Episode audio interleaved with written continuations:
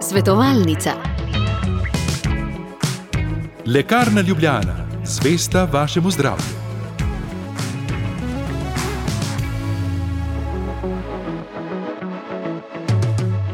Dobro jutro, dragi poslušalci, lepo pozdravljeni in dobrodošli v današnji svetovalnici. Letos mineva 150 let od prvega organiziranega čebelarstva na slovenskem, obeležujemo pa tudi 250-letnico spomina na smrt Antona Janše, ki ga poznamo kot začetnika modernega čebelarstva. Zato smo se na radiju Ognišče odločili, da bomo danes v svetovalnici govorili o čebelarstvu.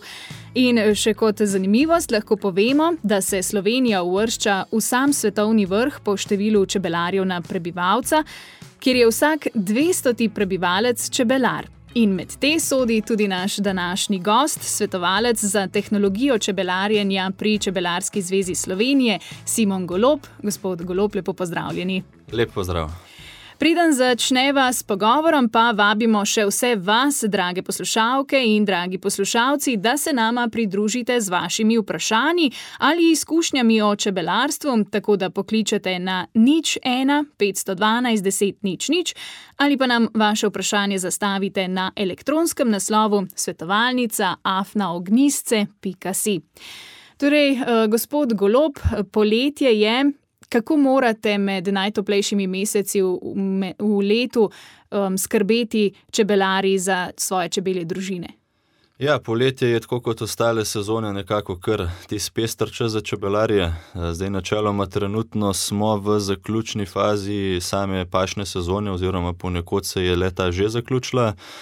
Eh, zdaj, kakšna je bila letošnja sezona, bomo naredili oceno v sredini avgusta, oziroma v drugi polovici avgusta, ko bodo tudi ta medenja, ki so še zdaj prisotna, zaključena. Eh, zdaj, kar se tiče naših nalog, našega dela, se pravi v samem času poletja, uh, imamo čebelari zdaj ob zaključku pašne sezone, seveda nalogo, da stočimo, vkolikor je seveda kaj medu bilo, vkolikor je ta med zrel, uh, kvaliteten se zadeva iztoč, potem pa nekako že sledi sama priprava na jesen in pa na zimo, od krmljenja, zdravljenja. In same priprave, tudi se pravi, kar se tiče oskrbe samih čebeljih družin na jesen in pa na zimo. Uhum, torej, se najprej bi ustavila pri krmljenju. Uh, kako to poteka, s čim se čebele nahrani, da je kvalitetna hrana? Uh, ja, nekako ob zaključku same pašne sezone uh, ponavadi nastopi neko tako imenovano brezpašno obdobje, se pravi obdobje, ko v naravi ni kakšnega cvetenja, ni kakšnega medenja in dejansko čebele porabijo več, kolikor lahko z narave dobijo. Uh, to brezpašno obdobje ponavadi traja kar tam nekje od druge polovice julija, pa potem do jeseni, zato moramo čebelari čebele v tem obdobju krmiti prvo zato, da jim nadomestimo ta dnevni minus, drugo pa zato, da si čebele naredijo dovolj velike zaloge eh, za samo zimo. Zdaj, samo krmljenje poteka običajno v večernem času. E, ta med, ki ga bi oni dobili v naravi, oziroma medicino, jim nekako lahko nadomeščamo samim sladkorjem, sladkorno raztopino. Eh, s tem čebele nekako pokrijejo te potrebe po energijski hrani. Res pa je, da sam sladkor vsebuje samo eno sestavino, to je saharoza. Eh, sam med oziroma te viri hrane, ki jih čebele dobijo v naravi, pa preko 100, 200, tudi 300 sestavin, se pravi od vitaminov, mineralov, eh, nekih drugih snovi, ki jih čebele nujno potrebujejo. Eh, tako da v bistvu čisto procentna zamenjava ni, je pa vseeno to, to kvalitetna hrana, da čebele lahko na tem prezimijo in se tudi razvijajo. Zdaj, vsi mi vidimo čebele zunaj, ko nabirajo. Um, kaj pa se zgodi potem, ko to, kar naberajo, prinesejo v pan, da nastane med? Uh, ja, čebele v naravi nabirajo dejansko tri vrste hrane: uh, cvetni prah, Eh, katerega shranijo v satju, in potem ali nektar, se pravi to, kar nabirajo na cvetovih, ali pa mano, kar nabirajo pri samem gozdnem, eh, gozdnem medenju.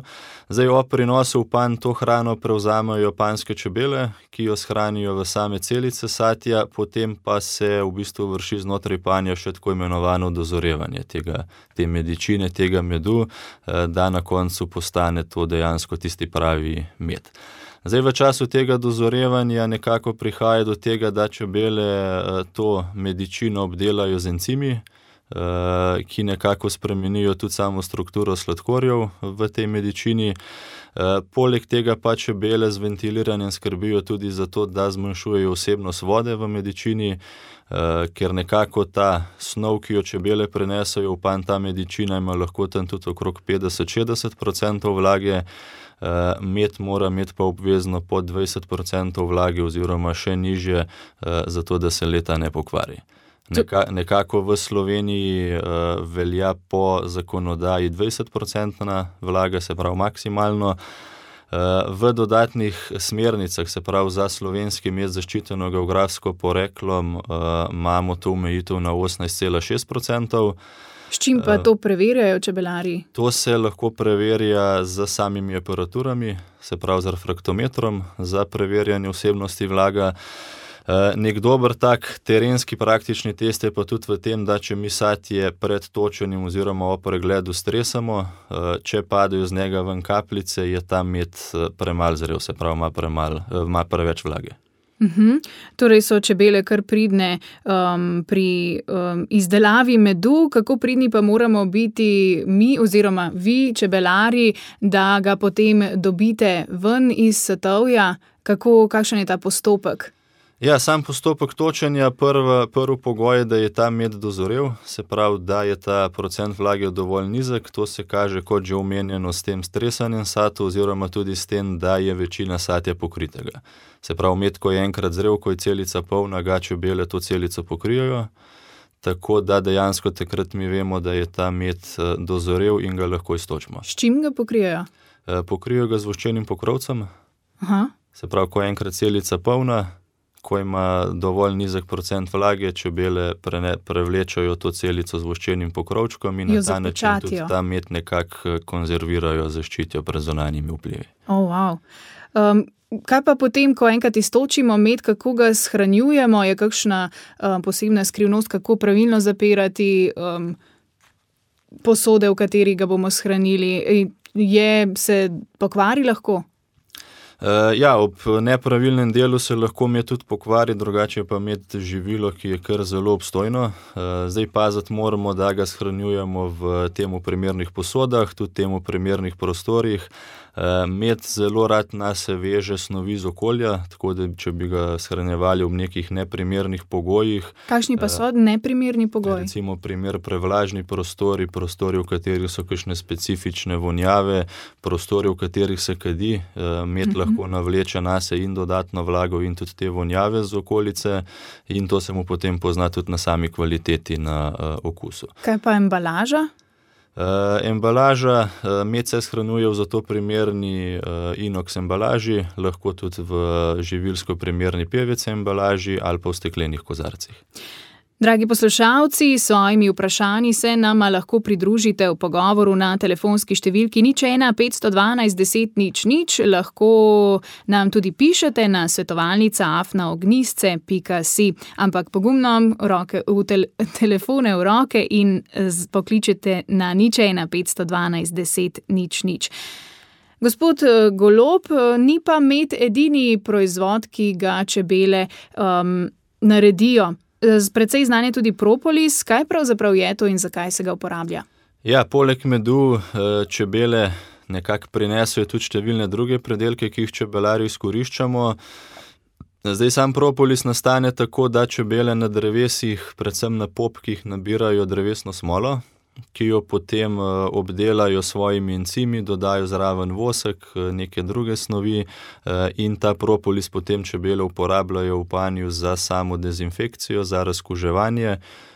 Nekako in pa za zadelavo vseh odprtin v panju. Zato tudi nekako slovenski izraz za propolis je čebelja zadelavina, ker ga čebele uporabljajo v bistvu zato, da zadelajo razno razne špranje, odprtine, eh, da preprečijo nekak prepih po panju in pa tudi eh, nekako vnos nekih zunanjih eh, vplivov v pan. Uh -huh. uh, pričakala so pa tudi prvi telefonski klic na zvezi. Prav lepo pozdravljen, gospoda Darka. Lepo pozdravljeni. En lep dober dan, hvala vašemu gospodu, hvala vam, radio Gnišče. Nekaj bi vprašal. Poglejte, uh, vidim tam le med v teh trgovskih centrih, Lidlu, pa še marsikje drugje, ne po 4-5 evrov. Uh mhm. -huh. druge cele, cele palete ga imajo. Ne. Zdaj, a je to res naraven ali ni. Jaz pa rad kupam kristaliziranega, to se pravi, za tistega mislim, da je res naraven. Zdaj pa je lahko po teh trgovskih centrih, pa ne bom, ne, ne rečem, da je to sem nekje skoraj povsod, a bi bil še kvaliteten ali ne, ali je delan. Čisto, to je bilo moje vprašanje. Mhm. Hvala za odgovor. Hvala vam, gospodarko, lep dan, srečno. Enako. Ja, zdaj, glede medu v trgovskih centrih, eh, medu v samih prodajalnah, je potem sam nadzor stvar inšpekcije. Eh, zdaj, tukaj bi vam dal lahko en nasvet. Eh, kar se tiče kvalitetnega medu, kar se tiče domačega pristnega medu, boste verjetno najboljš naredili, če ga kupite pri lokalnem čebelarju, pri čebelarju, ki ga poznate, kjer tudi vidite same pogoje, v katerih čebelar. Uh, poleg tega imamo v Sloveniji tudi tri zaščitene scheme: slovenski med, kraški med in pa kočevski med, ki so nekako podvržene uh, še dodatnim nadzorom, dodatnim notranjim nadzorom, tudi strani Čebelarske zveze Slovenije in tudi v bistvu ta potrdilo, da je med v teh treh schemah, vam nekako kaže na to, da je ta med pristen, da je kvaliteten. Z nama je tudi Marta iz Novega mesta. Dober dan. Dobro, da ste pozdravljeni. Mene pa zanima, zakaj vegani ne uživajo medu. Ja, najlepša hvala za to vprašanje. Lep pozdrav na Dolensko.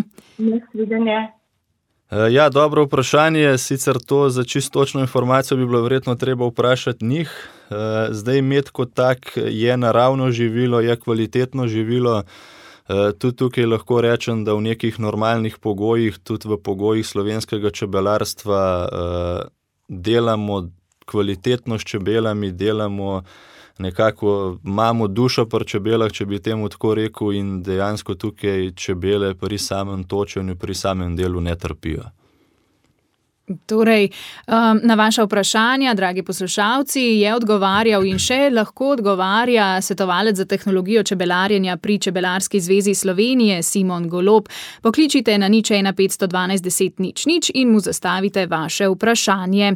Gospod Golob, čebele so zanimive živali, kar nekaj zanimivosti lahko preberemo v njih. Živijo do 60 dni, ta se je meni najbolj vtisnila v spomin prav poznajo svoje mesto v panju, katera kaj počne. Zelo so organizirane.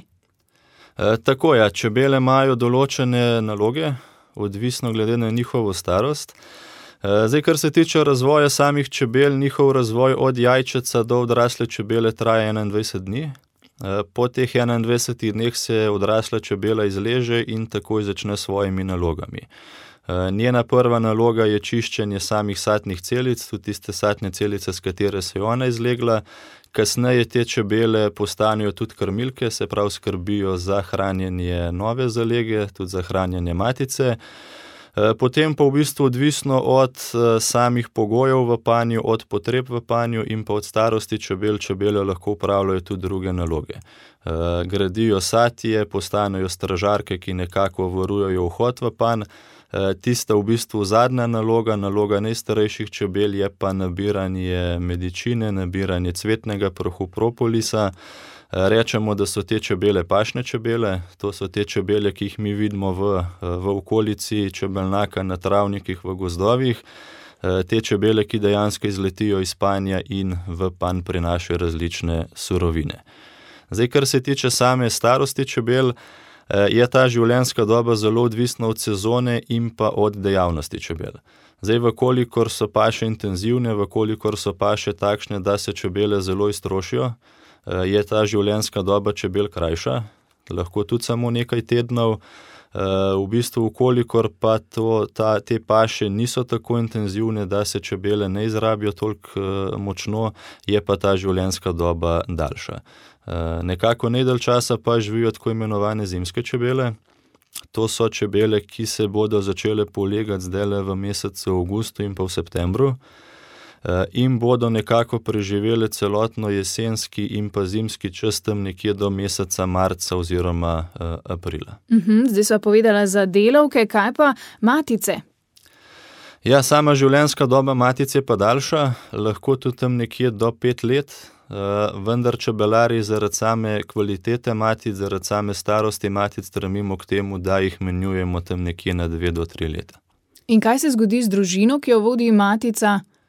Sprejmejo novo ali E, tako, družina lahko matico zamenja samostojno, ko enkrat čebele zaznajo, da ta matica ni več primerna, da je bodi si slabše kvalitete, bodi si poškodovana, bodi si prestara, jo lahko čebele same zamenjajo, e, drugače pa čebelari dodamo družini novo matico in čebele tudi to matico potem sprejmejo. Brala sem, da je možno tudi že umetno osemenjevanje matic. Kako pri tako majhnih živalih? Tako umetno usemenjevanje matice je prisotno že kar več desetletij. E, gre pa pri umetnem usemenjevanju predvsem zato, da se tukaj usemenjuje neko manjšo, manjše število matic, predvsem za namen vzreje. Se pravi, da mi dobimo kvalitetne rodovniške matice. E, sam postopek je dokaj zapleten, e, dela se z uporabo mikroskopa, z nekimi dodatnimi pripravami. Eh, In tudi zelo malo ljudi je nekako izšolanih eh, za to delo. Tukaj bi mogoče v Sloveniji lahko ocenil, da nekje do pet ljudi to zadevo upravlja. In kakšna je uspešnost?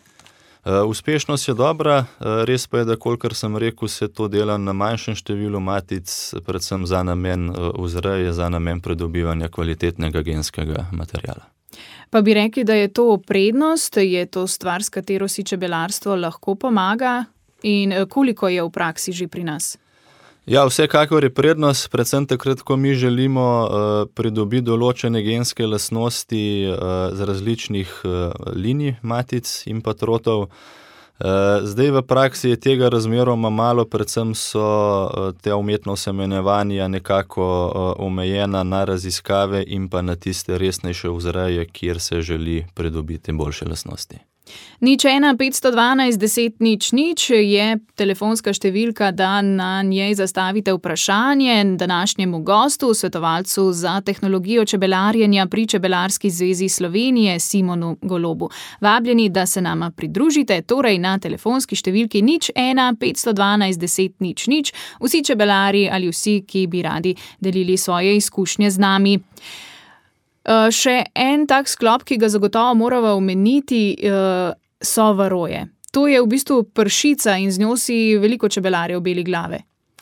Ja, tako, to je zajedavska pršica. Eh, Dejansko ne veliko čebelarjev, ampak pravzaprav vsi čebelarji v Sloveniji in pa večina čebelarjev v svetu se imamo težave s to varojo. Eh, Zdaj tudi ta pršica je nekako po svetu eh, prisotna praktično po skoraj vseh državah z izjemo z izjemo za enkrat še Avstralije, čeprav so se že začele pojavljati tisti prvi napadi in pa določenih omejenih območij, kot so manjši otoki in pa druga bolj zaprta, uh, zaprta območja. Zdaj, sama pršica se je v Sloveniji pojavila tam nekje okrog leta 1980 in od takrat bi lahko rekel, da je kar zavedno spremenila sam način čebelarjenja. Dejansko je sedaj v samem čebelarskem letu ena izmed glavnih nalog čebelarja boj proti tej pršici, uh -huh. Zdaj, če temu tako rečemo. Čebelari moramo tekom celotnega leta skrbeti za to, da število pršic ne preseže nekih mejnih kritičnih urednosti in dejansko tekom celotne sezone skrbeti, da to pršico nekako držimo na neki obledljivi ravni. Zdaj, tekom sezone to delamo predvsem s tehnološkimi ukrepi, se pravi z ukrepi uh, brez uporabe nekih sredstev, potem, kasneje, ko se ta predelave medu in pa drugih predelkov zaključi, uh, pa lahko to pršico začnemo zatirati tudi z različnimi sredstvi. Zagotovo, zdaj, če tako rečem, stari mački točno vedo, kdaj s čebelami nekaj ni v redu, kako pa tisti, ki se na novo zač, uh, ki začenjajo še um, zrejo čebel. Kako vedo, da je nekaj narobe, kako vedo, da gre za varoje? Ja, varoja je stalno prisotna, zato imamo tudi po, samem, po, samih, po sami dobri čebelarski praksi čebelarjem svetujemo, da število varoj tekom celotnega leta spremljajo. Zdaj to se lahko spremlja bodi si preko odpada varoj na dno panja, na tako imenovano podnico panja. Torej, to je opazno. Tako to je opazno, bodi si potem s pregledom samih čebel oziroma s pregledom same zalege. Obstajajo pa tudi drugi testi, s katerimi se to lahko preveri. Recimo sladkorni test, CO2 test in podobno. Kaj pa povzroči ta pršica? Ta prašica v bistvu povzroči lahko tudi v končni fazi propad čebele družine, napada za lego, napada odrasle čebele, kritično vpliva na njihovo življenjsko dobo, se pravi, skrajšuje njihovo življenjsko dobo, uničuje čebelam tudi imunski sistem, lahko tudi samo živčevje, sam živčevni odziv. In v bistvu ob neki preveliki napadenosti lahko družina zaradi varoje tudi propade. Kako pa čebelarji skrbite, da se varoje čim dlje ne bi pojavile? Ja, čebelarji tekom celotnega leta držimo to varoje na obvladljivi ravni. Zdaj, kot sem rekel, v času sezone s tehnološkimi ukrepi, kasneje pa potem prvo s poletnim zatiranjem, ko nekako poskušamo to število pršic zmanjšati na neko obvladljivo raven za jesen. Potem temu po potrebi sledi tudi jesensko zatiranje. Tekom zime imamo pa čebelarji v Sloveniji zaenkrat še eno zelo dobro prednost. To je to, da naše matice v naših geografskih pogojih nekako v mesecu oktobru, novembru prenehajo z leganjem. In imamo mi tekom zime stanje, ko v družinah ni pokrite zalege, ko je vsa varoja na čebelah in je tudi ta varoja potem veliko bolj dovzetna za sama sredstva. Tako da v bistvu tekom zime mi lahko spravimo to varojo praktično na minimum in s tem damo čebelam neke dobre temelje za razvoj potem v prihodnji sezoni. Nenazadnje pa me zanima tudi, kakšna je oprema, kakšni panji so dobri, je važna izbira lesa? Seveda, izbira kvalitetne opreme je zagotovo pomembna za čebelarjenje, zdaj, če že v začetku izberemo neko, mogoče bi rekel tudi prepoceni, manj kvalitetno opremo, nam bo to delalo težave tekom vseh naslednjih let čebelarjenja. Zdaj, kar se tiče same izbire lesa, zadeva niti ni toliko pomembna, pomembnejše je, da je panj kvalitetno izdelan, da je tudi vsa druga oprema kvalitetno izdelana. Je pa res, da se v večini primerov za izdelavo panjev, satnikov uporablja les smreke oziroma lipe. Lahko je pa zadeva izdelana tudi iz drugih vrst lesa in pa tudi iz drugih materialov. V zadnjih letih se recimo predvsem na področju panjev, tudi satnih okvirjev pojavljajo plastika, stiropor, stirodur, ki nekako ima seveda svoje dobre in pa svoje slabe lastnosti. Kakšno pa opremo potrebuje čebelar, da zaščiti sebe? Tukaj je zelo odvisno od tega, koliko je čebelar nekako, bi rekel, občutljiv na same pike čebel. Zdaj, ko smo enkrat tega navajeni, delamo nekako več ali manj brez neke zaščitne opreme. A še štejete, kolikokrat so vas pičile? Nič več. Zdaj, v začetku se mora pa seveda vsak čebelar nekako primerno zaščititi, ravno zaradi pikov, ki jih je lahko včasih več, včasih manj. Tukaj se uporabljajo potem zaščitna oblačila, od jaken, rokavic, teh klobukov z mrežami, ki nekako preprečijo, da bi nas čebele popikale. Pa tudi dim, z dimom si nekateri pomagajo. Ja, tako, uporabljamo tudi dim, predvsem zato, da čebele umirimo. dim je nekako neko naravno sredstvo, ki pri čebelah sproži odziv, se pravi nekega požara. Čebele se pred dimom umikajo, začnejo tudi malo porabljati same zaloge hrane, ker v bistvu imajo neki naraven nagon, da bo treba zbežati, če temu tako rečemo. In jih v bistvu s tem, ko se najejo, se tudi malo pomirijo in je lažje potem z njimi delati. Danes se o čebelarstvu pogovarjamo v svetovalnici s svetovalcem za tehnologijo čebelarjenja pri Čebelarski zvezi Slovenije, Simonom Golobom. Pokličite, zastavite vaše vprašanje na nič ena petsto dvanajst deset nič nič. Morda še, se dotakneva vprašanja, kako ste čebelarji povezani med seboj? če kdo od poslušalcev ravno začenja z nekaj družinami, z nekaj panji, na koga se obrne, prosi za nasvet? Ja, čebelarji se že kar več, več kot sto let povezujemo. V prvi vrsti smo čebelarji povezani v čebelarska društva, ki nekako, če posplošimo, delujejo po večini na območju občin. Se pravi, ena občina, eno čebelarsko društvo, razen izjem, kjer je recimo eno društvo pokriva več občin ali pa je v eni občini več društev. Ta društva se potem lahko naprej povezujejo tudi v regijske zveze. Nekako krovna organizacija je pa Čebelarska zveza Slovenije, ki vse te manjše organizacije povezuje skupaj, jih zastopa in jim tudi nekako daje same usmeritve. Zdaj, glede samih začetkov čebelarjenja, bo najboljši način, da se čebelar, ki želi začeti čebelariti, poveže s čebelarskim društvom, s predsednikom, s katerim članom tega društva, s kakšnim bližnjim čebelarjem, tako da dobi tiste prve napotke, da se mogoče prednosti nabavi svoje čebele, tudi poskus delati z njimi pri katerim od že obstoječih čebelarjev, ker tukaj potem vidimo, da vsak ni za to. Ne? Uh. Nekaj so piki, nekaj so morebitne alergijske reakcije. Uh -huh. Nekaj potem sam način dela, in tukaj je koristno, da se prej spoznamo z samimi čebelami, s samim delom, in šele potem nekako začnemo delati samostojno. Zdaj lepa pozdrave pošiljava v Šmartno pri Liti, z nama je gospa Vida. Lepo pozdravljeni. Lep pozdrav obema tudi v studiu. Men, jaz bi pa rada vprašala, ki je gospod omenjal v poletnem času, kako se eh, varoje obvarovati, na kak način, kaj on predlaga za poletni čas in s kom recimo zdraviti po zadnjem točenju oziroma ko, ko pač zaključimo to sezono eh, medeno eh, v zimskem času, no, za čas zime, kako pa s kom to eh, zdraviti. Uhum, hvala, hvala. hvala lepa, srečno. Hvala. Ja, hvala za vprašanje. Eh, zdaj, kar se tiče zdravljenja po točenju, že govorimo po zadnjem točenju tem tako imenovanem poletnem zdravljenju oziroma poletnem zatiranju varoje.